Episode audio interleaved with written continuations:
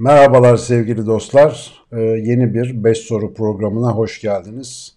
Bu akşam yine her cuma akşamı olduğu gibi e, daha gelmeden önce e, yorumlardan, sosyal medya e, efendim tweetlerinden, Facebook'lardan sesi gelen bir konuğumuz var. Uzun süredir bizim kanalda e, beklediğinizi biliyorum. Ve e, burada da e, yayından hemen önce arkadaşların hazır beklediği belli. Henüz başlamamış olmamıza rağmen 78 beğeni ve 5 tane de e, beğenmeme almışız. Bu da efendim heyecanın yüksek olduğunu gösteriyor. Hepiniz hoş geldiniz. Bu akşam sevgili Mustafa İslamoğlu ile beraberiz. Hocam hoş geldiniz, merhabalar. Hoş bulduk, merhabalar. İnşallah sağlık, sıhhat, e, her şey yolundadır. Gerçi hani böyle bir ortamda yolundanın da şeyi değişti ama nasıl genel vaziyetler? İyi misiniz, hoş musunuz? Hamdolsun, hamdolsun hocam. Şükürler olsun. Emaneti gezdiriyoruz. Şükründen aciziz. Varı sayarsak yoka sıra gelmiyor. Ee, nasılsın sorusunun altında şu da var. Biz, siz de öylesiniz, ben de genellikle böyle kalabalıklara konuşan, insanlarla sıklıkla iç içe olan, yani hatta bayağı bir iç içe olan tayfadanız. Böyle biraz etrafımız kalabalıktır. Sizde de oldu mu böyle bir anda bir etrafta hani insan yoğunluğu azalınca araya mesafe gelince nasıl şeyler değişiyor bu Covid döneminde sizde? E, oldu tabii. Hatta iyi oldu. Ben şahsen memnunum. İnsan yorgunluğu diye bir şey var. Evet. Bunu Doğru. bilenler bilirler. İnsan gerçekten de hem nimettir hem nikmettir hem yüktür yani. Sevse de yüktür, yerse de yüktür. Kızsa da yüktür, nefret etse de yüktür. Dolayısıyla e, bir de insan bazen perde oluyor. Yani hakla aranda halk perde olabiliyor. Tabii. Halk arandan çekilince daha yalın görebiliyorsun. Kendi aynanda kendini seyredebiliyorsun. Dolayısıyla bir de e, dışarıdan bakışlar e, mutlaka e, ya alkışa endekslidir ya da e, eleştiriye endekslidir, redde endekslidir, nefrete endekslidir, lince endekslidir. Yani bir tür birçoğu da ön yargıdır bunların. Ön bilgiye dayanmazlar, ön yargıya dayanırlar. Evet. Ön yargıya dayandığı için de aslında bir hakikat ifade etmezler, bir gerçeği söylemezler, size de istifade edeceğiniz bir şey vermezler. İşte o noktada sizin kendinizle baş başa kalmanız, yani kaliteli bir yalnızlık e, ihtiyacınız doğar. O kaliteli yalnızlık öyle kolay bir şey de değil, kolayca elde edilen bir şey de değil. Onun için tabii burada virüse mektup yazalım da bir teşekkür edelim demiyorum. ama, ama yine de yani Seyrani'yi rahmetle analım. Poyrazı'nın tipisinin hikmeti var hepsinin. Mevla rahmet kapısının kimin örter, kimin açar demiş. Yani virüsünün, e, pandemisinin hikmeti var hepsinin diye bir nazire yapmış olayım Eyvallah. Seyrani. Eyvallah. Muhabbetimize girizgah yaparken malum bizim formatımız 5 soru. Ee, birazdan e, kabaca yani ben Mustafa İstanbul'un aslında 5 tane soru sormayı pek düşünmüyorum. Kafamda var bir 5 e, konu başlığı ama sohbet ederken oralara geleceğiz diye düşünüyorum ama başlamadan önce ufak bir e, vakit alarak şöyle bir, bir buçuk dakika kadar siz herhalde buraya davet ettiğim gelmeden önce en çok sosyal medya sesi çıkaran konuklardan ilk üçe girebilirsiniz. Bunu zaten tahmin ediyorum çünkü bir kısım havai fişekler atıyor. İşte beklediğimiz buluşma. Bir kısım Allah kahretsin bu ikilinin karşılıklı ne işi var? E, bu adamın burada ne işi var tarzında 50 tane e, sosyal medya e, şeyi gösterebilirim girdisi. Şimdi bu ne işi var burada meselesi muhtemelen sizin mi bizim ne yaptığımızı çok bilmeyenler adımızı sağdan soldan duymuş ya da kaza eseri buraya gelmişlerle ilgili olabilir. Dolayısıyla onlara dert anlatmayı pek düşünmüyorum. Yani izlerlerse öğrenirler bizim burada ne iş yaptığımızı. Fakat bu aynı zamanda bu programı yapmamızın da temel amacını oluşturuyor. Yani burada mümkünse başka yerde konuşulmayan bir açıklık ve samimiyetle, sakin uhuletle ve suhuletle milletin dışarıda birbirinin boğazını sıktığı meseleleri nasıl konuşabileceğimizi göstermeye çalışıyoruz. Mustafa İslamoğlu ile Sinan Canan'ın muhtemelen hayat görüşü, yaşam tarzı, kültürü, müzik zevki, yediği, içtiği, giydiği bayağı farklıdır. Yani aramızda birçok ayrılık bulabiliriz ama öyle noktalar var ki bizi birleştiren, bizi konuşabilir hale getiren biz oraları zorlamayı tercih ediyoruz. Bugün de yapacağımız şey ben biraz ters köşe sorularım da var onları da soracağım ama esas amacımız burada birbirimizi daha iyi anlamak, daha iyi konuşabilmek. Dolayısıyla tekrar bu vesileyle bir hoş geldiniz diyorum. Bu tantana benim hoşuma gidiyor bu arada. Yorumlarda akıyor. Ben yandan izliyorum. Güzel yorum olursa ekrana çekeceğim bu arada. Arkadaşlar sorularınızı takipteyim. Ee, bu arada hani geyik yapmak yerine hakikaten aklınıza gelen bir şey yazarsanız onu ekrana çekeceğiz. Efendim 5 soru programının genellikle ilk sorusudur. Ben e, tanıştığım insanları, bu programa davet ettiğim insanları genellikle yaptığı işlerle tebarüz etmiş, ortaya çıkmış ve bir şekilde karınca gibi çalışan insanlardan tercih etmeye çalışıyorum. E, siz de benim gözümde bunlardan birisiniz. E, böyle çalışkan ve üretken olmak için sanki bazı duygusal nitelikler olması gerekiyormuş gibi geliyor. Benim için en önemlisi de şu, biraz işte kendinden razı olmak, halinden memnun olmak ve içsel olarak bir yaşama mutluluğuna sahip olmak gerekirmiş gibi bir hipotezim var. Mustafa İslamoğlu mutlu bir insan mıdır? Halinden razı mıdır? Kendinden memnun mudur? Hani olsa da bir fırsat daha verilse Mustafa İslamoğlu dünyaya bir daha geleceksin. Ee, hangi alternatifi yaşamak istersin diye sorulsa aynı hayatı mı seçerdi yoksa başka bir şey yapar mıydı acaba? Eyvallah. Ee, Mustafa İslamoğlu elindekiyle yetinmeyi ve mutlu olmayı arayan, bunun için çabalayan bir insan. Kimseyi mutlu diye adlandırma diyor Solon. Çünkü ölmedi. Ölmeden kimseyi mutlu diye adlandırmamak lazım. Öbür taraftan e, halinden razı mıdır? E, kendimden razı değilim. Çünkü kendimden razı olursam aslında asıl mutsuzluk nedenim o olur. Zira yeter demek biter demek. Yani yetti dediğinizde bitersiniz. Onun için insan e, aslında insanın kendisi bir yolculuktur. Hayat bir yolculuktur derler. Bu zaten çok e, meşhur bir aforizma. Ama insanın kendisi bir yolculuktur. Ve insan hem yoldur, hem yolculuktur, hem menzildir. Kendinde yürür, kendi yürür, kendine varır. Onun için bu öz bilinç, bu kendindelik hali, farkındalık hali aslında hem bir tarafıyla insanı huzursuz eder, yani bu huzursuzluk bildiğimiz anlamda, şu basit anlamda huzursuzluk değil. Bu huzursuzluk aslında kaygı, bir endişe, hatta tatlı bir endişe. Ee, bir taraftan da mutlu eder. Çünkü derdiniz dermanınız olur. Çünkü yorgunluğunuz dinlenmeniz olur. Çünkü aradığınız bulduğunuz olur. Onun için yani böyle e, hayat e, siyah ve beyaz üzerinde oynanan bir oyun değil. Yani kumar değil. O zaman kumar olurdu. Ya üter ya ütülürdük. Dolayısıyla hayat gri'nin tonları üzerinde oynanan bir oyun. Bakınız hiçbir şey, yaratılmış hiçbir şey aslında ikiliye indirgenemez. Tekli derseniz zaten şirk olur. O Allah olur. Dolayısıyla eşsiz dediğinizde saçmalarsınız orada. Efendim çoklu demek lazım. Ben çokludan e, çok haz ediyorum. Çok seviyorum çokluyu. Onun için yani bana sorsalar yeryüzünde bir tek kafir kalmamasını ister misin? Haşa tövbe ne yapıyorsun delirdin mi derim. Ne münasebet. Kimsin sen? Sen Tanrı mısın? Senin ne haddine? Mustafa İslamoğlu'nun ne haddine? Bana sorsalar sana iftira eden, sana linç operasyonu düzenleyen, gözünün içine baka baka hakaret eden, seni eline geçirse kuşbaşı yapıp yiyecek olan insanların yeryüzünden yok olmasını ister misin? Vallahi ben yemin eden adam değilim. Özel gündelik hayatımda da yemin etmem, bilmem. Öyle bir kültürüm yok. Bakın burada vallahi diyorum. Nadir yeminlerimden birine diyorum. İstemem tadı çıkmaz ki. Çünkü gelişim vesilesi de oluyor bunlar aynı zamanda değil mi?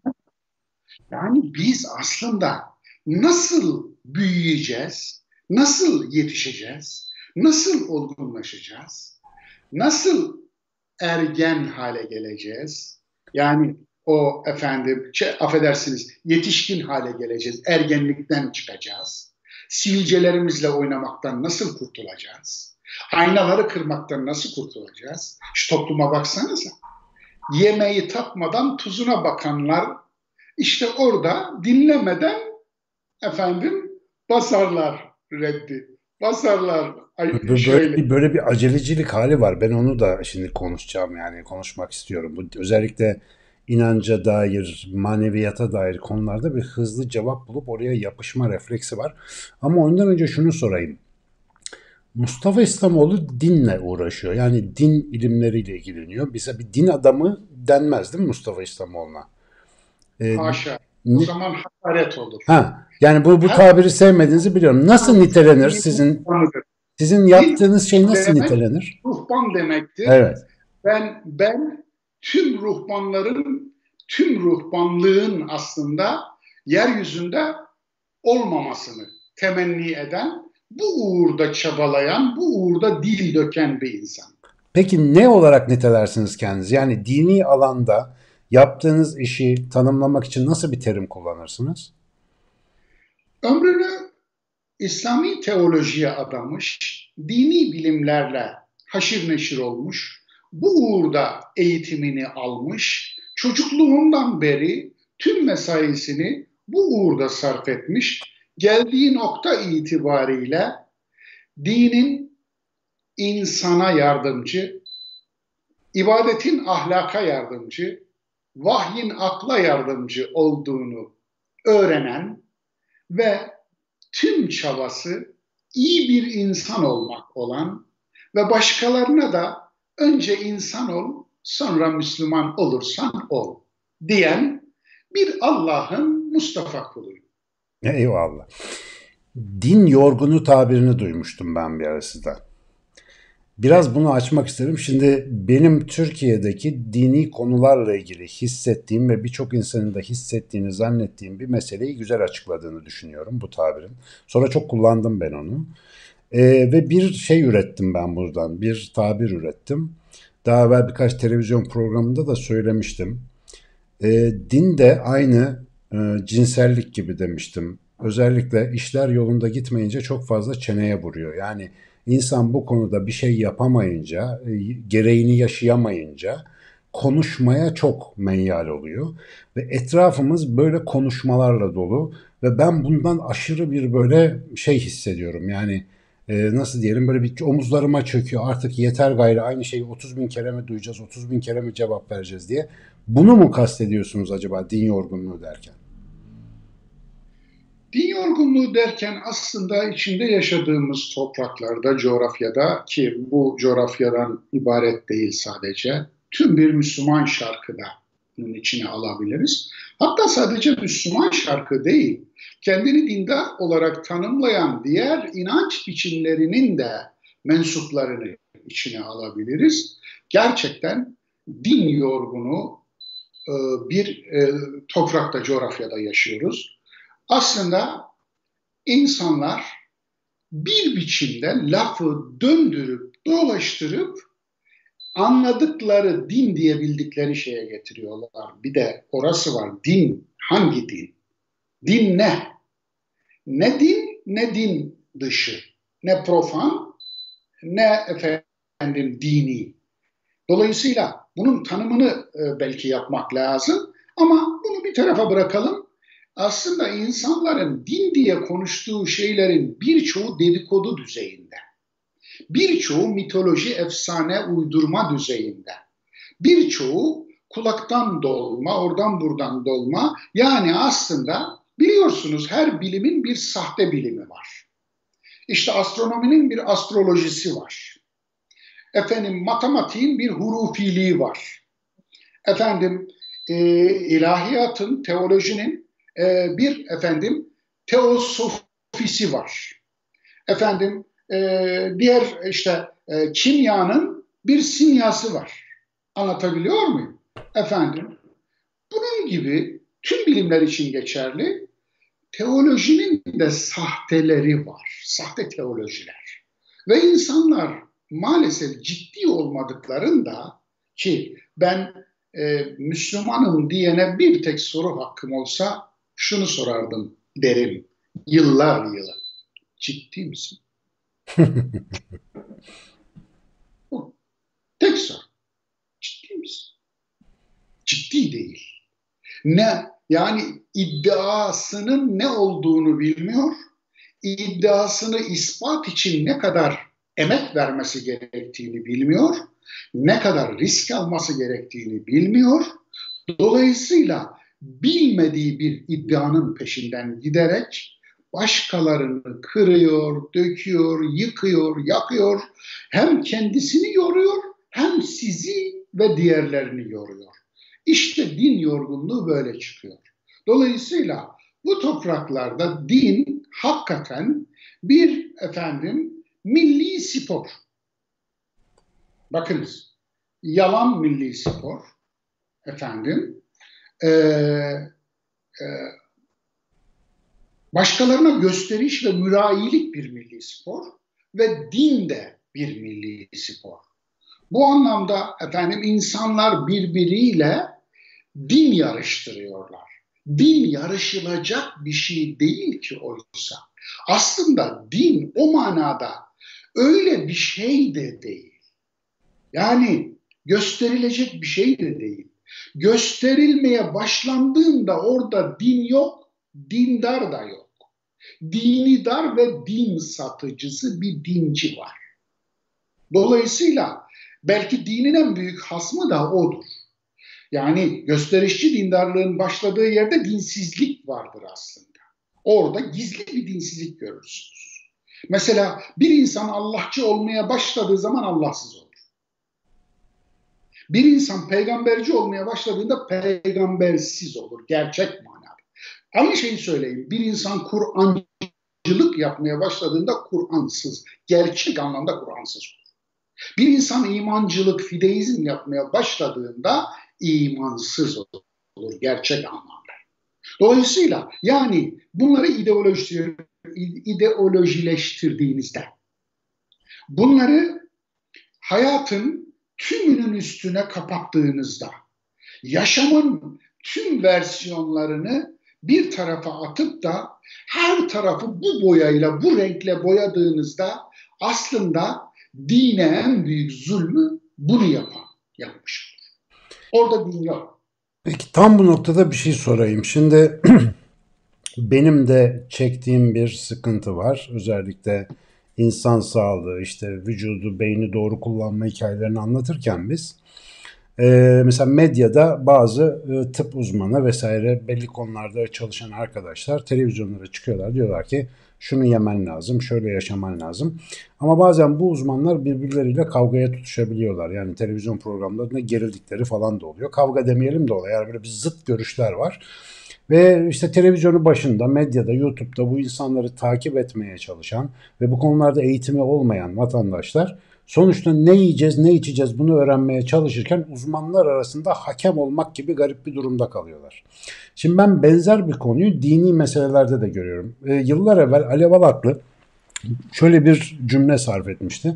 Bu ülkede hiçbir zaman dinsizlik ve dindarlık kavgası olmadı. Bu ülkede hep İslam senin bildiğin gibi değil, benim bildiğim gibi kavga çıkarmış olan kelimedir demişti. Yani işte bir dönem Kemalizmle efendim Türkiye'deki daha böyle nasıl diyeyim geleneksel dindarlık arasındaki gerilim. Şimdi işte adına İslamcılık denen bir ekolle diğer taraf arasındaki gerilimler hep böyle e, dini sahiplenme ve din aslında böyle olsun demeye çekiştirmelerden kaynaklanıyor gibi gözüküyor. Birçok insan birçok farklı İslam vaaz ediyor. Ve bu konularda herkesin de böyle hani derin bir birikimi olmayabilir ki çoğumuz maalesef evlerimizdeki Kur'an-ı Kerim'i bile hani Müslümanlardan bahsediyorum açıp okumuyorduk yakın zamana kadar. Şimdi bir moda var o konuda bir şey oluyor. Yani hatta herkes otomatik tefsir falan yapmaya başladı. Bu arada enteresan şeyler de oluyor o konuda. Ee, bu kadar müktesebatı olmayan insanlar, bu kadar farklı İslam yorumunun arasında mesela Mustafa İslamoğlu'nun söylediğini neden daha e, doğru bulsunlar? Yani bunu e, hangisinin doğru, hangisinin hakikat, hangisinin daha makul olduğuna dair bir kriter, bir ölçü, akli bir mizan var mıdır acaba? Ne yapsın insanlar bu kadar şeyi dinlerken?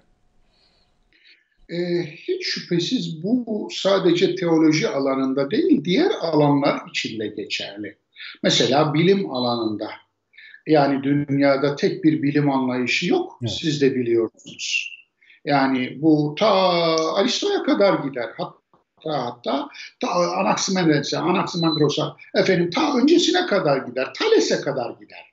Yani tek bir bakış açısı da yok. İşte doğa filozoflarının her biri arhe nedir sorusuna biri sudur demiş, biri topraktır demiş, biri ateştir demiş, şu demiş, bu demiş biliyorsunuz efendim. Yani bu yeni bir şey değil. Aslında insana dair bir şeydir. Ama hocam orada şöyle bir şeye dikkat çekeceğim. Mesela o tartışma diyelim felsefi düzeyde ya da bilimsel işte akademik mahfillerde akademisyenler ya da felsefeciler arasında böyle güzel atışmalar, bilgi geliştirmeleri falana da yarıyor aslında.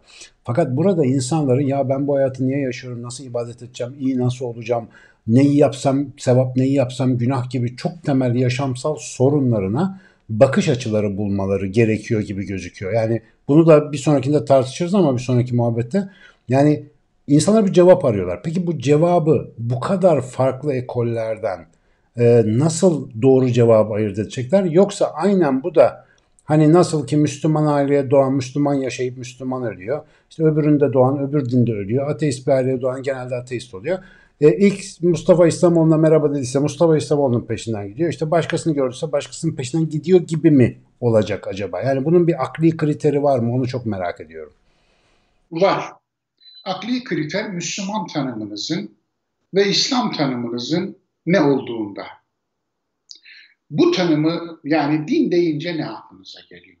Bir kere bu topraklarda ve geleneksel olarak ulemanın da içinde olduğu koca bir kütle din deyince bir tanımı yok. Kültürle dini ayırt edemiyor mesela. Evet bu en büyük sorunlarımızdan biri. Bu çok temel bir problemdir. Zira din kültürü ayrıdır, din ayrıdır. Dinin sahibi Allah'tır demediğiniz sürece o zaman tekfire gitmekten başka yolumuz yok. Çünkü din elden gidiyor çığırtkanlığı yapanlar dinin sahipliğini üstlenenler. Aslında dini özelleştiriyor ve dini nüfusuna geçiriyor. Dolayısıyla din, din malı oluyor. Anlatabiliyor muyum? Onun malı oluyor. Allah da onun malı oluyor. Din onun malı olunca. Yani bizim Allah'ımız diyor. Benim Allah'ım diyor hatta. Niye? koklatmam, ona vermem. Efendim Allah benim Allah'ım. Bu, bu, bu insana Allah'ın alemlerin Rabbi olduğunu anlatamazsın. Günde 40 Fatiha okur ama Elhamdülillahi Rabbil Alemini okur ama ömründe bilmem kaç bin, bilmem kaç yüz bin kez okumuştur ama bir kez inanmamıştır. Bir kez anlamı üzerinde düşünmemiştir. Neden Elhamdülillahi Rabbil Alemin Fatiha'nın alnına konulmuştur. İşte bundan.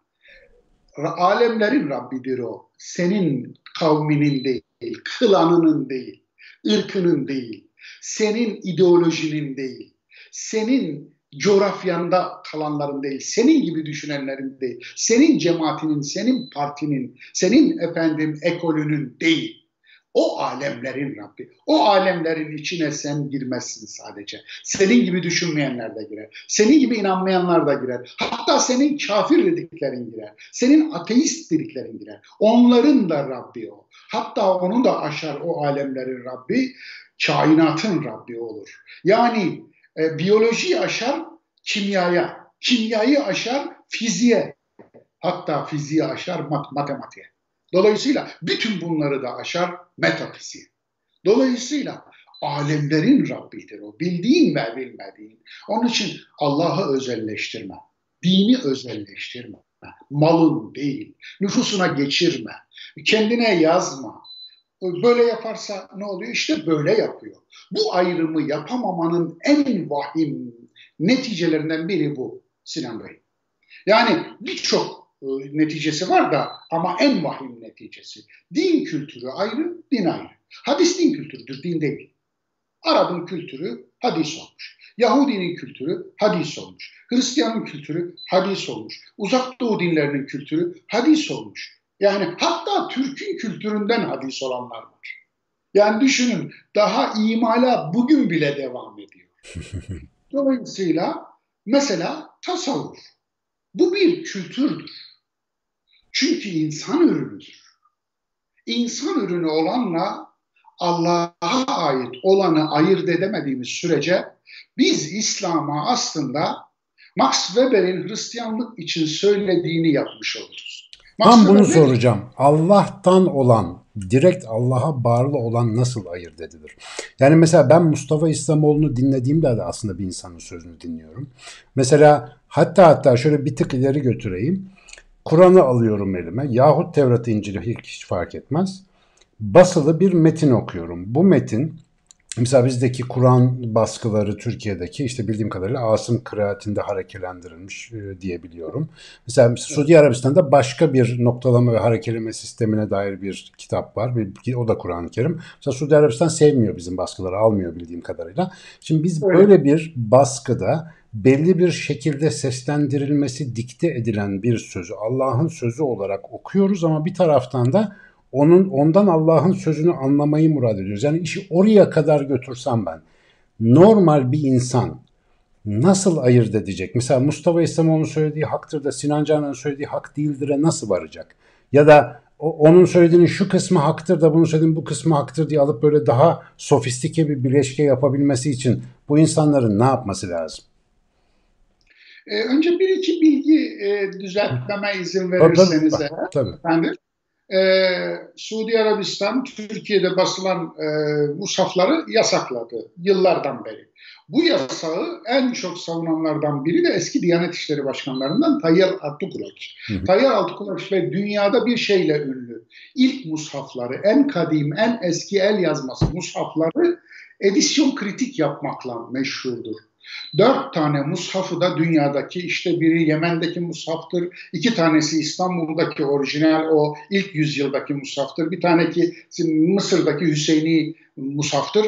Yani bunlar üzerinde satır satır emek vermiş, çalışmış ve rapor yazmış ve bunları da yayınlanmış bir insandır. Suudi Arabistan'daki mushaf da Asım'ın kıraatıdır, buradaki de.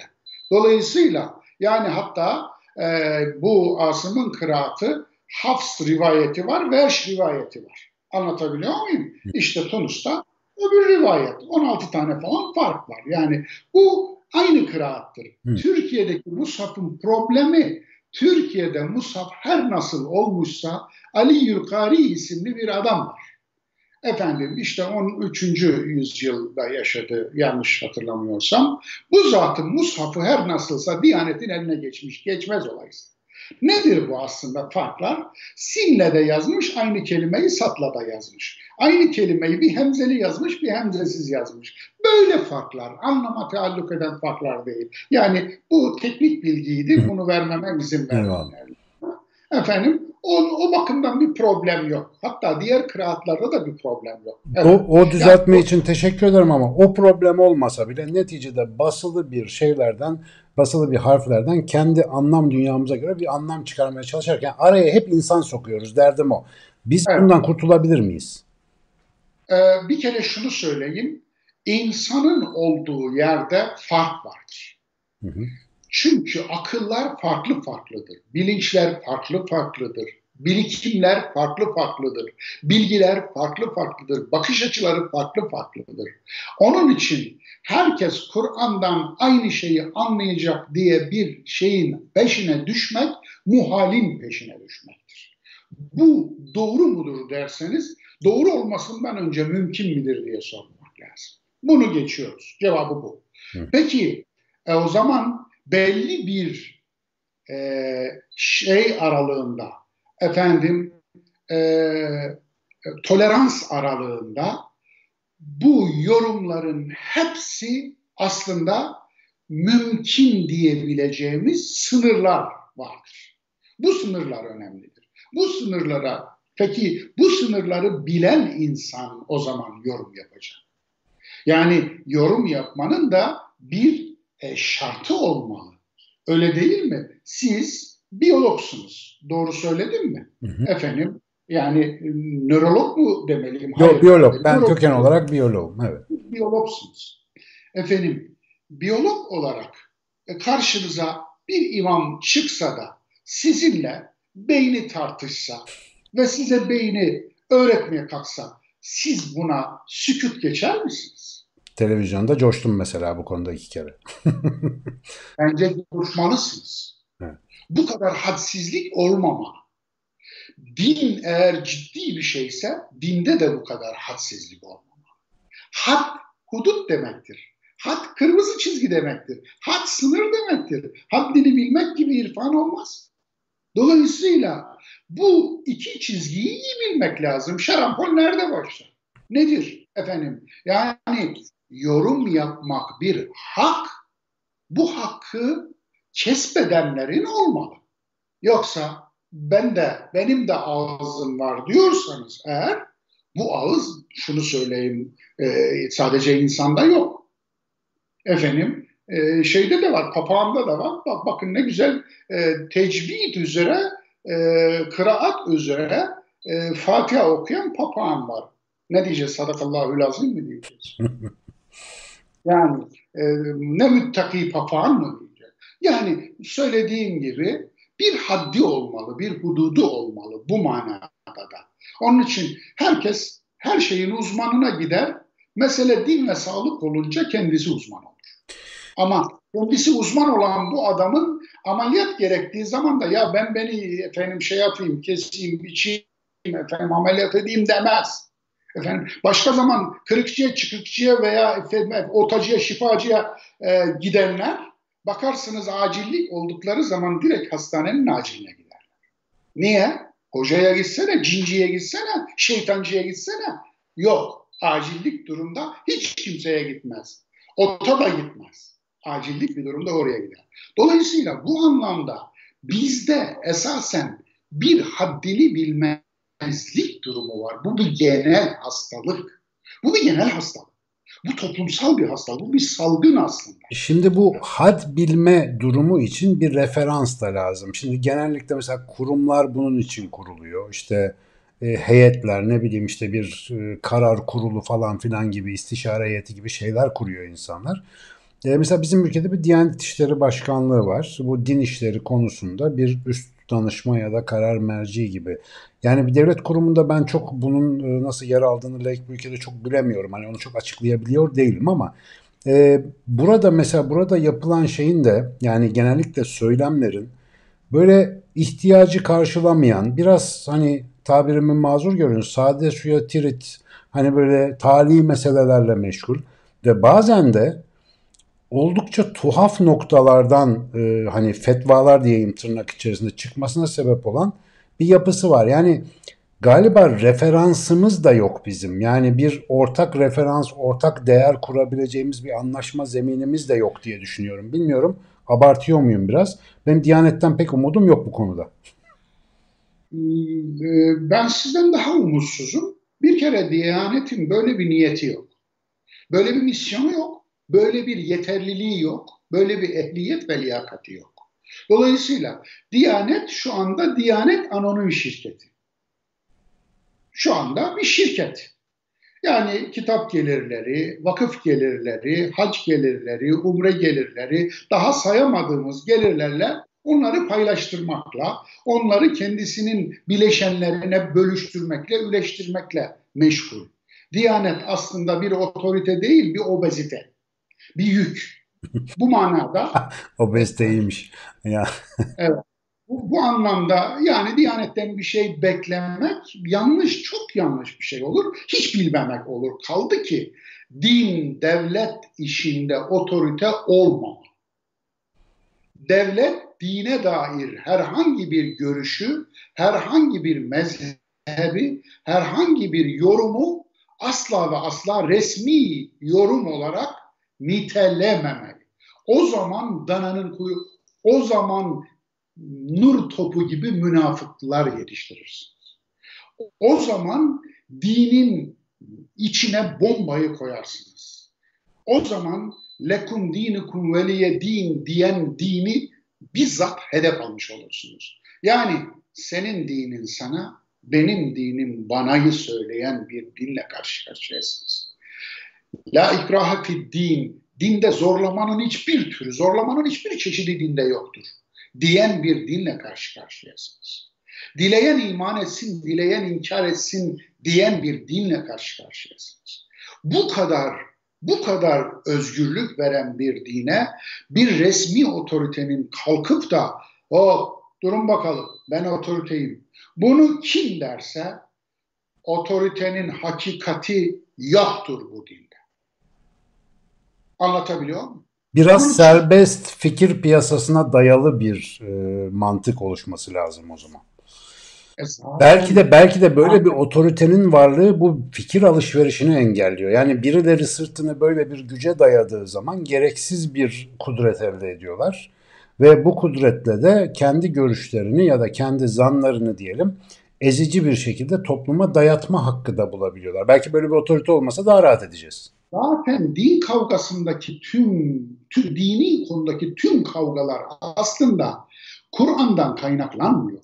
Kur'an'dan kaynaklandığını zannettiğimiz kavgaların tümü kendini otorite ilan eden mezheplerden veya mezheplerin mezhepleri putlaştıran ve dinleştiren müntesiplerinden veya o müntesiplerin alt kategorilerinden, tarikatlardan, şunlardan, bunlardan kaynaklanıyor.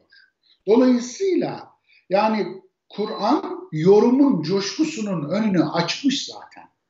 Bu anlamda yorum coşkusunun önünü açan Kur'an'ın kendisidir. Yani muhkem ve müteşabih diye kendisini ikiye ayıran kendisidir. Müteşabih yorumun zorunlu olduğu ayetlerdir. Ve yoruma bizi teşvik ediyor. Efela yetedebberunel Kur'an ayeti ne demiş oluyor? Kur'an üzerinde derinliğine düşünmüyorlar mı? Neyi düşüneceğiz? Eğer askeriye talimnamesi gibi ise, eğer efendim kullanma kılavuzu gibi elinize alıyorsunuz, yapıyorsunuz. İki adam malzemeyi alıyorsunuz, gidiyorsunuz, demonte malzemeyi montaj yapıyorsunuz. Onun içinde kağıdını açıyorsunuz, öyle değil mi? E, yani yapılış kılavuzunu ona bakarak yapıyorsunuz. Böyle bir böyle bir demonte malzeme kılavuzu değil ki? Böyle bir şey yok. Onun için neyi peki düşünmüş olacağız? Neyi düşünmeye bizi teşvik ediyor? Bizi aslında düşünmeye teşvik ediyor. Bizi yoruma teşvik ediyor. Kendisini tırnak içinde ama yanlış anlaşılmasın. Aman anlaşırsa anlaşılsın. tırnak içinde riske atarak riske atarak metne bir şey olmaz. İşte bu noktada da aslında kendimiz Allah'tan rol çalıyoruz, Tanrı'dan rol çalıyoruz ve din elden gidiyora bağlıyoruz işi. Hiçbir şey olmaz. Kur'an'a hiçbir şey olmaz. En acayip, en ucube yorumları yapın. Yapılmış. Tarihte yapılmayan bir yorum yok ki. Tarihte Kur'an üzerine atılmamış bir çamur da yok bu anlamda tutmamış, olmamış. Bakınız o absürt yorumların hiçbirisini kabul etmemiş. Şu anda yeryüzünde en çizgi dışı sayılan, birbirini tekfir eden, efendim işte kendisini Müslüman sayan toplumların tamamının elinde bir tane Kur'an vardır. Çok ilginç değil mi bu? Onun için bu önemli. Bu anlamda aslında sorun oradan kaynaklanmıyor. Sorun otoritelerden, kendisini otorite ilan edenlerden kaynaklı. Benim anladığımız, anladığımız gibi anlayacaksın. Anladığım gibi anla.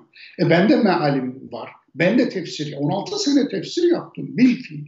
2000 canlı insana yaptım bunu. Yüz binlerce insanda uzaktan izledi, dinledi, gördü. Efendim meal yaptım.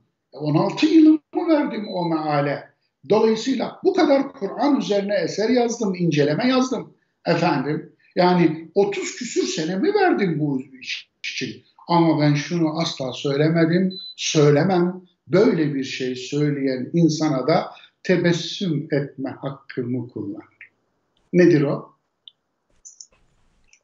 Benim söylediğim aslında Allah böyle diyor. Ben ona doğrudan sen Allah mısın derim. Evet. Bir, çok çok çok karşımıza çıkan bir şey. Bak Allah, diyor ki bak evet. güzel kardeşim diyor. Allah diyor ki bir dakika diyorum Dur. ben de demin sana Allah'ın öyle dediğini söylemiştim ama sen başka bir şey diyorsun. Yani sen daha mı yakın görüşüyorsun Allah'la falan. Hemen böyle bir oradaki psikolojik ayrımı çok fark edemiyoruz yani. Aslında bu biraz önce söylediğim mülkiyetine geçirme işlemi. Allah'ı çalıyor. Evet ama öyle bir Allah'a inanması lazım ki çalınabilen, mülkiyete geçirilebilen, nüfusa yazdırılabilen bir Allah. Bu nasıl bir Allah'tır? Nasıl bir şeye inanıyor bu? Bu nasıl bir tanrıdır? Yani bunun inandığı Allah'ı sorgulamak lazım. Bu bir. İkincisi, yorum, hiçbir yorum Nass'ın makamına yani ayetin makamına geçemez. Nass'ın ayetin makamına geçen yorum ayetleşir. Peki yorumu ayetin makamına koyarsanız ayeti hangi makama koyacaksınız? Ona makam kalmıyor. Tıpkı papalığın yaptığı gibi. Düşün. Papalık İsa'nın peygamberlik makamına geçti. E İsa da boşta kalınca ne yapalım onu da Tanrı edelim dediler. Dolayısıyla yani bu anlamda Nas'ın makamına, ayetin makamına bir yorumu geçirmek aslında kendinizi Allah ilan etmektir. Ben Allah'ım değil. Cesaretiniz varsa daha dürüstçe bir şey olur. Eğer öyle demeyecekseniz, diyemiyorsanız o zaman bunu da yapmayın. Nedir? Benim yorumum bu. Yanılıyor olabilirim. Eğer yanılıyorsam Allah hak versin. Ama efendim e, bu kadar şu şu şu gerekçelere dayanarak şu şu şu çabalarım sonucunda şu şu şu emekleri vererek ben bu sonuca ulaştım. Ama bu şu demek değildir ki yarın bundan daha isabetli bir sonuca da ulaşabilirim. Zaten Kur'an ismi okunmakla bitirilemeyen anlamını içinde taşır. Yani okudum denilemeyecek bir kitaptır. Okuyup bitirdim yok. Bitirilmez. Bitmeyen bir okumadır Kur'an vezni. Fu'lan vezni Arap dilinde. Bitmeyen bir eylemi ifade eder. Dolayısıyla bitmeyen bir eylem. Hem yatay hem dikey hem derinliğine düzlemde. Yani yatay nasıl nesilden nesile bitmeyen bir okuma. Dikey kendi insanın tekel, tekelin teki, insan tekinde. İnsan birey olarak kendi insanın kendi içinde bir okuma biçimi. Dolayısıyla zihninize inzal eden, zihninize inen anlamlar ve anlamın zihninizde çiftleşmesi.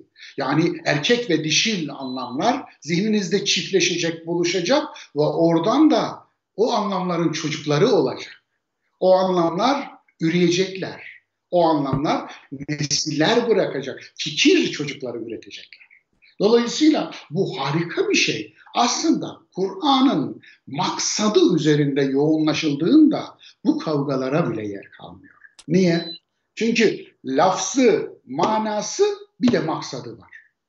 Lafzı üzerinde yoğunlaştığınız zaman literalist bir efendim e, şey olur çıkarsınız, şey olursunuz yani. Kelam, yani şey, kelama saplanmak gibi bir şey yani. Laflama işte, laflama. Laflama, lafazanlık, goy goy. Yani lafza indirgediğinizde insanı etine kemiğine indirgemek neyse o olur. Köpeğe insanı tarif et dediğinizde nasıl tarif eder? Dolayısıyla öyle bir şey olur.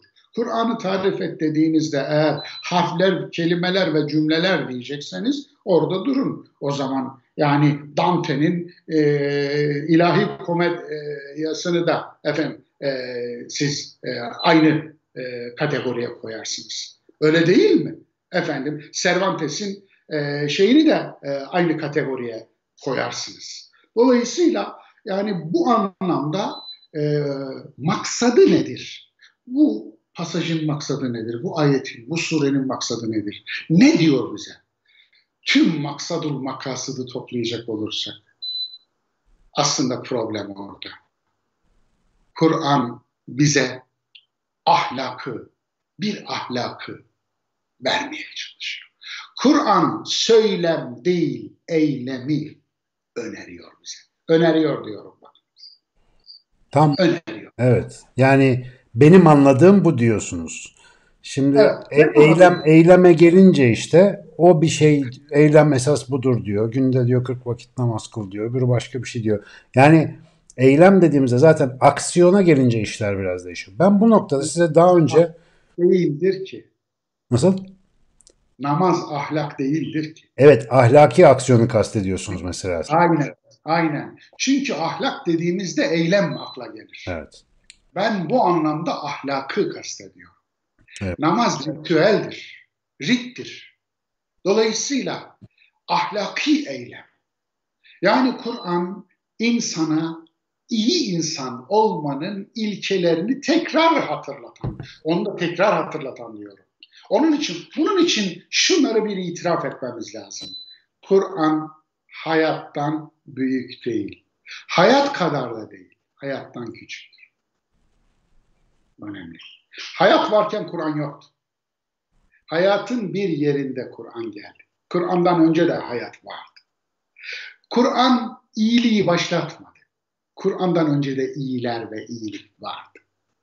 Dolayısıyla Kur'an hayatın içindedir ve hayattan küçüktür. Hayat Kur'an'dan büyüktür.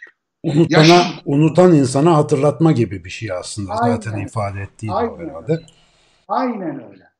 Yani bu anlamda biz eğer Kur'an'ı bir ideolojik nesneye indirgemiyorsak, Kur'ancılık yapıp da Kur'an'ı tezgahta pazarlamıyorsak, yani Kur'an'ın sırtından bir takım efendim makamlar, mevkiler, şöhretler, şunlar bunlar kazanma peşinde değilsek, öncelikle Kur'an'ın bize ne verdiğini, beni nasıl dönüştürdüğünü, ben şahsen bunu çok sık söylerim. Ben Kur'an'ın insanı dönüştürme gücünün insanın kendisini dönüştürme gücünden fazla olduğunu yaşadım. Gördüm bunu. Elimden tuttu. Yani ben bir teşekkür borçluyum. Şükran borçluyum. 20'li yaşlarımda ilahiyat talebesiyken ben bir bunalıma girdim. Bu da çevremdeki dindarlarda gördüğüm din yüzünden girdi. Öyle bir din gördüm ki bu dine inanılamazdı. Bu dinden olunamazdı. Bu dinden olunursa insan kalınamazdı. Bu dinden olursa tek yüzlü kalınamazdı. Bu dinden olursa kaliteli kalınamazdı. Bu dinden olursa akıl, irade ve vicdanlı kalınamazdı. Bunu gördüm ve bir ikileme düştüm. Orada. Tam bir, tam bir çıkmazdı orası. Ondan sonra tevafuken yahu ben ki İmam Hatip mezunuyum. Ben ki 7 yaşında Kur'an ezberlemeye başladım. Ben ki efendim işte babası imam olan kitapların arasında büyüyen biriyim ama 20 küsür yaşında mı tanışacaktım ben ezberlediğim surelerin anlamıyla. İlk tepkim şu oldu. Ne çok şey biliyor. Kur'an için. Ve tabii o manayı keşfettikçe inanın uykularım kaçtı sabahlara kadar Kur'an'ın anlamıyla buluşmanın şölenini yaptım, bayramını yaptım. Ve acaba buralarda ne var? Buralarda ne diyor? O bazı ayetler bana göz kırpmadılar. Ama bazıları kırptı. Anlatabiliyor muyum? Halen de öyledir. Yani beni çekti bazıları. O bazılarında ben merhem gördüm. Öbür tarafta yani bana göz kırpmayanlarda aslında benim bir o, o noktada bir sorunum yoktu. İlaç aramıyordum çünkü. İşte bu noktada ben Kur'an'ın şunu söylediğini görünce dedim ki işte bu. Müslim tarifi var, Müslüman tarifi var biliyor musunuz? Aynen şunu diyor. Müslim yani Müslüman hakikati arayan kimsedir teharrev raşeda. Cin suresi 14. ayet. Hakikati bulan değil. Yani bayağı şüpheciler falan mümin oluyor o zaman burada. Aynen öyle. Aynen. Şüphenin olmadığı yerde iman yoktur. Tam burada bir şey soracağım. Babanızdan, babanızdan size kalan eğer köstekli gümüş saat değilse, babanızın mirası, ananızın mirası, atanızın mirası değilse ki dedenizin yediğiyle doymuyorsanız dedenizin imanı size miras kalmaz. Miras kalan iman imansızlıktır. Dolayısıyla bu anlamda dönüp baktığınızda arayıştır diyor. Bir de din eleştiridir diyen bir ayetle her gün karşılaşır mısınız? İhdine sıratel muslim. Bizi dost doğru yola yönelt. Girdir değil, dolmuş değil din. Dolmuşa bin, git cennetin kapısında in. Yok böyle bir şey. Allah'ın dolmuşu yok. Allah dolmuşçuluk yapmıyor. Yönelt. Yani bizi dost doğru bir yola yönelt. Bunu bir mümin namaz kılarken de söylüyor değil mi? Peki sen doğru yolda değil misin? Olmayabilirsin ama. Yani inanmış kabul edersin. İnancının üzerine ibadetlerini de yapıyor olarak görünürsün ama yine de dost doğru. Biraz önce dost doğru yolda olursun da şu anda dost doğru yoldan çıkmış olabilirsin. Dost doğru bildiğin yol yap yanlış bir yol olur. Çünkü sen hiç sorgulamadın ki gittiğin yolu. Sorgulanmamış bir şeyin doğruluğunu kim söyleyebilir ki? Dolayısıyla bu anlamda din eleştiridir diyen bir eleştiri suresi var. Ve bu da her rekatta tekrarladığın bir şah ayete, berceste ayete efendim e, sahip bir sure. Yani bütün bunları böyle yan yana dizdiğinizde aslında ne aradığınıza bağlı olarak siz kendi yaranıza merhemi buluyorsunuz. Ve bulduğunuz bu merhemden sonra yani din kavgası yapmayı çok çok gereksiz bir şey olarak görüyorsunuz. Neyin? Ama hatta ama Hatta benim e, vaktim daral vaktimiz daraldığı için tam bu soruyu buraya ekleyeyim ben. Onu da birleştirerek cevap verelim. Şimdi daha evvel ben size de bir program yapmıştık beraber. Ben bu arada e, sevgili arkadaşlar katılanlar için söyleyeyim. Biz Mustafa İslamoğlu'yla bayağı fiziksel ortamda çok görüştük. Yani sıklıkla bir araya geldik. Sağ olsunlar beni toplantılarına çağırdılar. Vakıfta konuştum. Ribat toplantılarına katıldım. Sohbetlerimiz oldu. Ben bilmem ama benim dostumsunuz. Eyvallah. Çok teşekkür ederim. Bilmukabele. Böyle görülmek çok güzel bir şey. Sohbeti hoş, gayet latif, böyle rahatsız etmeyen yani böyle bir kasıntı hocanın yanına gitmiş gibi hissetmediğiniz birisi. Ama ben sizi medyada çok kızgın görüyorum. Kürsüde sert görüyorum. Ve e, daha evvel bir programda söylemiştim. Mesela bazı anahtar kelimeler geçince sizde böyle bir kazan basıncı yükseliyor tabiri caizse. Mesela bir tanesi tasavvuf. Bana sorsanız Mustafa İslamoğlu'nun bu ana kadar söyledikleri büyük oranda bazı tasavvuf ekollerinin öğütlediği hani o daha latif toplumsal davranış, daha kabullenici, işte kuşatıcı tarza çok benziyor. Ama mesela bir isim üzerinde bazı kelimeler üzerinde ekstra hassasiyet var gibi görüyorum. Kızgın mısınız onu soracağım. Bir şeye kızgınlık var mı arka planda?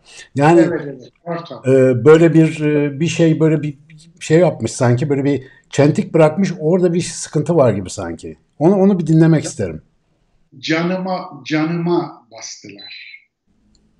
Can damarımı boğdular. Çok kötülük gördüm.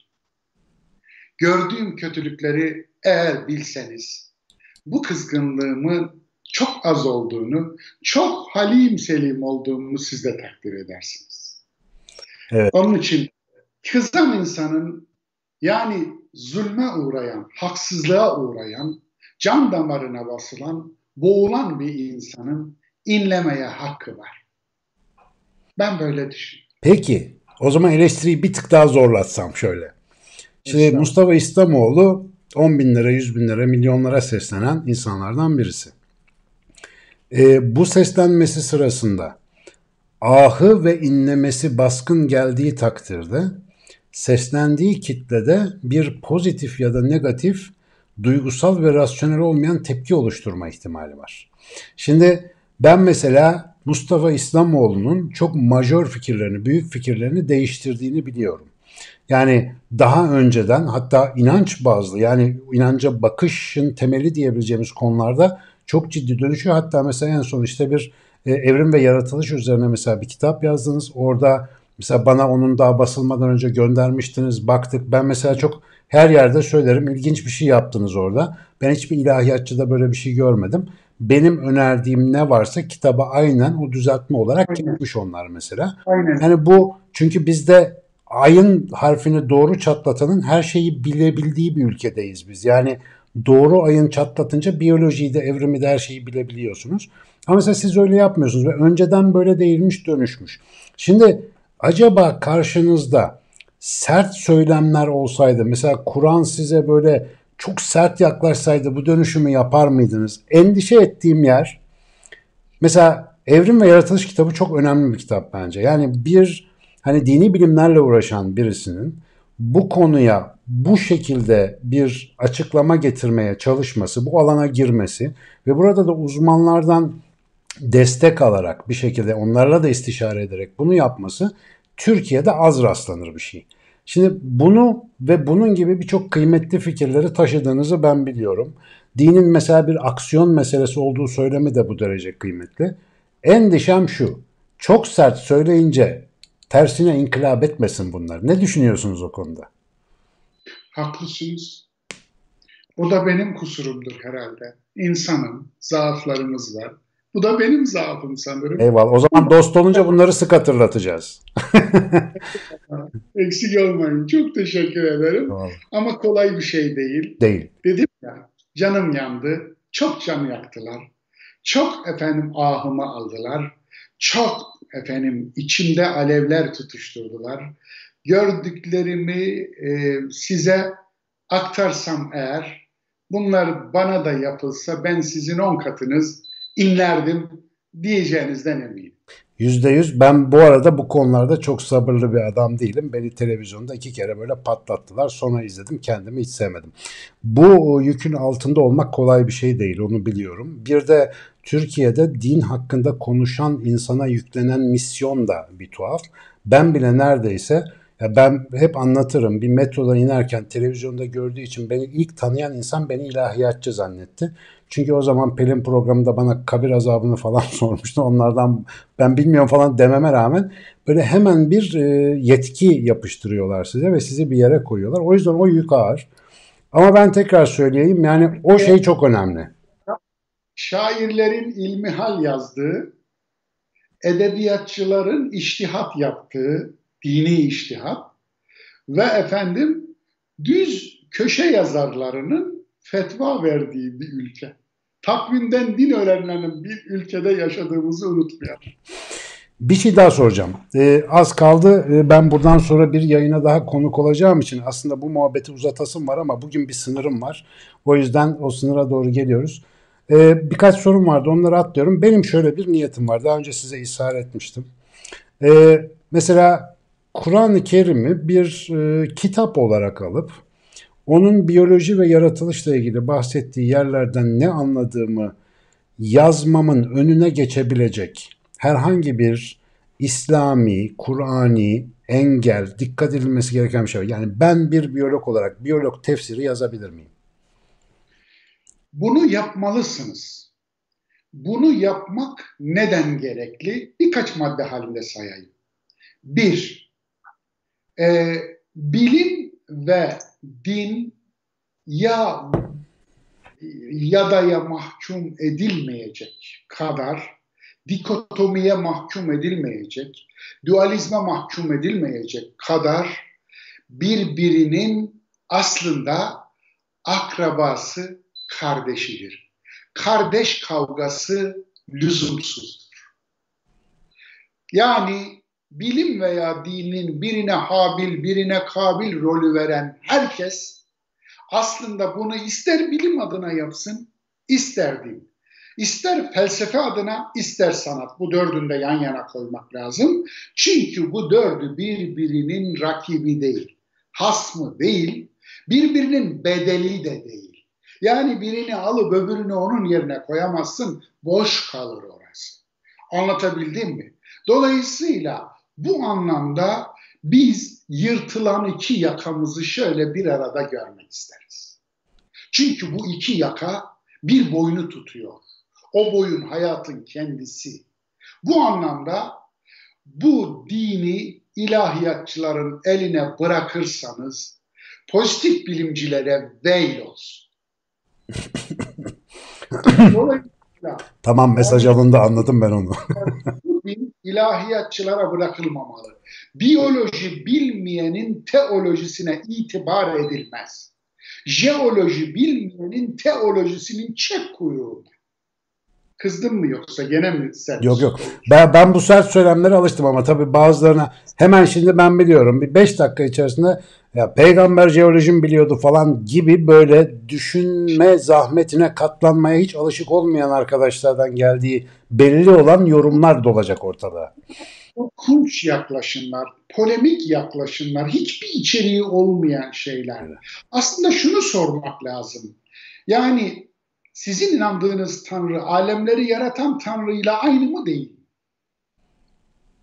Nasıl bir Tanrı'ya inanıyorsunuz? Bir, eğer kainatın yasalarını, tabiatın yasalarını koyan Tanrı ile sizin inandığınız Tanrı aynıysa o zaman aslında Kur'an'a inanan bir insan düz dünyacı olamaz.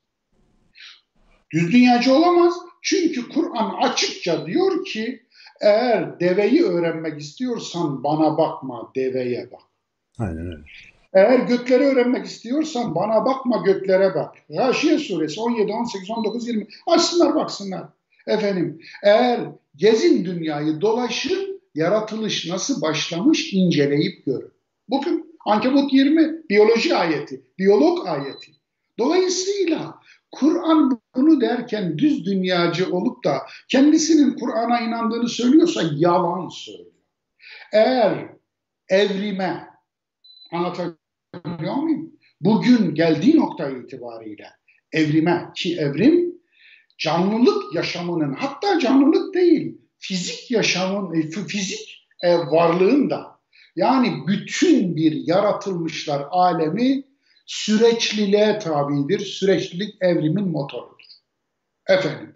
Dolayısıyla birden olan hiçbir şey yoktur. Kün feyekunu da hiç anlamamışlar. Hiç benden okumamışlar. evet ben tavsiye ediyorum. Bu arada Evrim ve Yaratılış kitabını okuyun arkadaşlar. Ol, ol dedi oldu yok. Ol dedi oluş sürecine girdi. İlk defa naçizane bu manayı veren benim. Çünkü dil olarak öyle bu mana şart. Öbürü değil. O yanlış. Kün fekan olurdu öyle olsaydı. Bir tane de öyle olan bir şey yok ki bana da kün demiş ama benim olmam bayağı uzun sürmüş gibi gözüküyor. Yani. 4 milyar yıllık bir argesinin sonucudur. Ya 4 milyarı bırakın 9 ay anne karnı 2-3 yaş zaten bir şempanze yavrusu gibisin falan filan. Ya yani ben ben olana kadar daha da oldum mu o da belli değil. Ama Gidiyoruz işte. Oluyorsunuz ama hala oluş sürecindesiniz. Aynen. Hala bitmediniz bakın. Hatta öldükten sonra da oluş süreci devam edecek. Öyle değil mi? Oluş ve bozuluş. Yani o süreç hep devam ediyor. Bakınız ne muhteşem bir sistem aslında. Peki niye rahatsız olur ki bir insan bundan? Niye rahatsız olur? İşte o manada bir insan Kur'an adamı olduğunu, Kur'an talebesi olduğunu söyleyip de evrime karşı çıkıyorsa bu adam gitsin kendisine başka bir oyun bulsun. Anlatabiliyor muyum? Onun için yani e, burada daha fazla saymayayım yani. Bu anlamda e, sözü toparlayacak olursak efendim söylediğiniz hakikaten doğru ve insanlar e, bilimle ki siz siz e, kendi disiplininiz açısından sordunuz bunu. Ben bana e, biri de gelip e, kimya açısından sorabilir. Biri de fizik açısından sorabilir. Mesela biri de matematik açısından sorabilir. Efendim bir başkası sosyolojik açıdan sorabilir. Bunlara ihtiyacımız var. Kur'an'da sosyolojinin gerçekten de ilkeleri arasına girmesi gereken ayetler var. Rahat 11 gibi. Yani insan bireyleri kendilerini değiştirmedikçe Allah o toplumun halini değiştirmez. Ne muhteşem bir şey. Ne muazzam bir ilkedir bu. Alın size tüm tepeden inmeci yaklaşımları çöpe atan bir harika sosyolojik ilke. Tüm mühendislikleri yani tüm kesip biçmeleri hani o Yunan tanrısı vardı ya uzunları keser kısalara eklermiş efendim. Tam da onun gibi şu anda ideolojik eğitim ki dünyadaki eğitim sisteminin çıkışı böyle. Türkiye'deki zaten öyle. Yani eğitim bir kesme biçme operasyonu değil. Bir tepeden inme mühendislik operasyonu olmamalı. Din hiçbir yerde devletin eliyle getirilen bir şey olmamalı.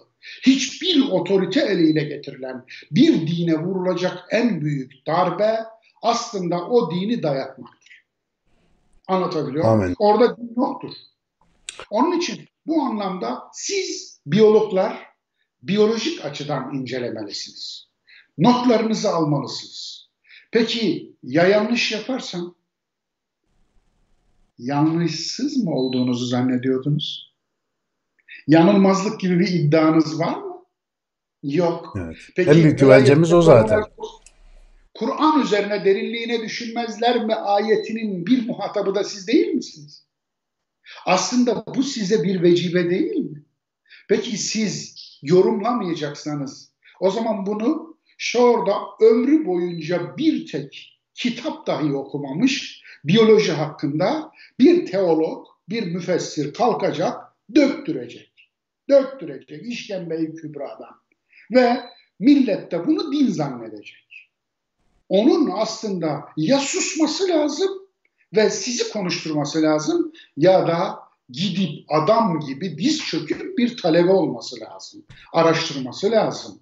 Yani biyolojinin A'dan Z'ye temel biyoloji derslerinin tamamını okuması lazım efendim. Bu sorumluluktur. Bu ciddiyettir aslında. Aynı şeyi sosyolog için söylüyorum. Aynı şeyi psikolojisi için söylüyorum. Bakınız Kur'an psikolojisi yazılmamıştır.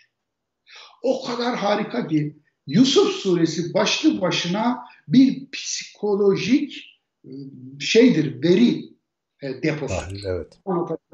Muhteşem bir tahlil vardır orada. Ki zaten Ve bütün metinlerin önce bir psikolojik çözümlenmesi lazım. Yani Kur'an'a inanmıyorsanız bile bu metnin bir psikolojik çözümlemesini yapmak lazım. Ee, yani, yani bu eksik, çok eksik. Kur'an'da nevrotik tipler vardır. Bulun onu ya işte efendim hani e, Müddessir suresinde nevrotik bir tipi bulursunuz. Bazı mesela efendim e, Kur'an'da obsesif kompulsif tipler bulursunuz. Takıntılı. Anlatabiliyor muyum? Bugünün Müslümanım diyenin yüzde 99'u obsesyondur. Eyvah tartışmalı alanlara girmeden ben hemen Ama teklifimi yapayım. Girme. Bu bir vaka. Doğru. Bizi dinleyen Doğru bizi dinleyen psikiyatr arkadaşlar, psikolog arkadaşlar hak vereceklerdir. Şu anda efendim Mahir Yeşildal kardeşim de bizi izliyor, onu biliyorum. Buradan evet, Mahir bana yapalım. mesaj atmış, e, bakamadım henüz, bakacağım inşallah. Şimdi yayına girmiştik o sırada. Evet.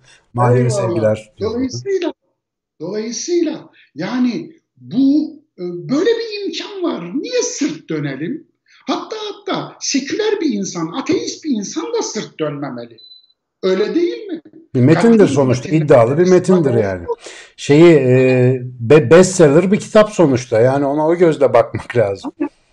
Aynen öyle bakın. Yani ille Kur'an'dan istifade etmek için ille iman etmeniz gerekmiyor.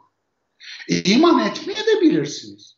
Ama iman konusu değil de siz Kur'an'ı yani ben iman etmiyorum, Kur'an'a inanmıyorum ama Kur'an'dan kendi bilim dalım üzerinden yararlanılacak şeyler görüyorum. Yararlan.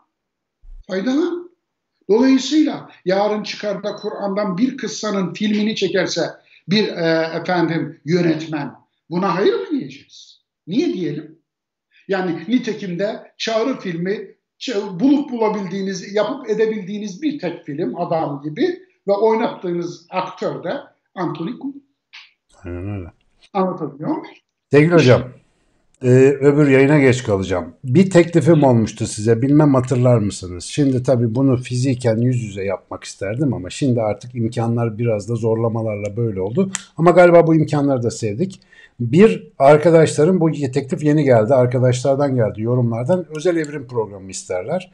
Bir evrim İslam oturumu için bir teklifim var. Vakit uygun olduğunda inşallah böyle bir YouTube videosunda daha geniş sınırlar içerisinde konuşalım isterim. Hocam söz veriyorum. Hı hı. Hepimizde hatta hatta bence bir yetmez. Evet seri de olabilir. Yapabiliriz. Seri Belki onu yani sizin bakış açınızla da açmak isterim ben. Ama ikinci teklifim ben, daha önce yapmıştım. Ee, bir e, mutasavvıfla sizi aynı programda ben de olacak şekilde istiyorum. Tasavvuf konuşacağız. Hay hay. Tamam. Konuşun. Tasavvuf muhabbeti yapacağız. Nasıl hay konuşulabileceğini de göstereceğiz. Ben böyle şeyleri severim. Yani dışarıdan insanlar kızgın gözükse de aslında ruh beru gayet de güzel evet. anlaşırlar. O letafeti paylaşmak üzere. Bunun da teklifini yapayım. Ayarlamasını inşallah zamanı geldiğinde hallederim. Efendim birbirimizin insan olduğunu unutmamak şartıyla her şey konuşulmalı. Eyvallah. Çok... Her şey kendi doğal sınırları içinde tartışılmalı. Ama saygı baki kalmalı. Saygı hep olmalı. Zira biz her neyi kabul edersek edelim, ideolojilerimiz, inançlarımız, efendim e, alanlarımız, efendim e, ilgi alanlarımız ne kadar farklı olursa olsun unutmayalım biz insanlık adlı bir ailenin üyeleriyiz. Ve birbirimize vereceğimiz en güzel hediye de saygıdır. Eyvallah. Çok teşekkür ediyorum bu akşam benimle olduğunuz için sevgili Mustafa İslamoğlu. Sevgili dostum Mustafa İslamoğlu. Evet. Kendisinden e, bu konuda da duyduğum e, dostluk ifadesi çok hoşuma gitti gerçekten. Zaten bu dünyada dost olabilmek önemli. Onun dışında diğer payı da kolay alırsınız. E, kısa geldi tabii ki bu aralık. İnşallah bunu çoğaltacağız. Şimdilik yalnız yayınımıza son vermek durumundayız dediğim gibi zamansal sıkıntılar yüzünden. Ee, öncelikle Mustafa İstanbul'a geldiği katıldığı için sonra da ömrünüzün bir saatini yatırdığınız için siz sevgili katılımcı arkadaşlara çok teşekkür ediyoruz. Yorumları yağdırdınız ama çoğunda geyik yaptınız. Güzel bir şey olsaydı hocaya soracaktım. Güzel yazmadığınız için bu size ceza olsun ama tekliflerinizi, isteklerinizi aldık. Bir evrim, bir seri evrim programı bir de tasavvufla alakalı bir program inşallah planlayacağız ileride. Açık Bey'in kanalında sizlerle yine buluşmaya devam edeceğiz. Ha Açık Bey'in de ne yapıyorsunuz böyle din min diye sormaya devam edebilirsiniz. Gidin dışarıda sorun arkadaşlar. Demek ki sizin bizim ne yaptığımızdan haberiniz yok. Ee, öğrenin gelin burası güzel. Burada eğlenirsiniz. Ne yaptığımızı sormak yerine ne yaptığımızı anlamaya çalışın. Sadece sorup kaçanlardan olmayın. Bir öğrenin bakalım. Belki burada enteresan bir şey vardır. Mustafa Hocam çok teşekkür ediyorum. Arkadaşlar hepinize çok teşekkürler ve herkese hayırlı akşamlar diliyorum. Kendinize dikkat edin efendim.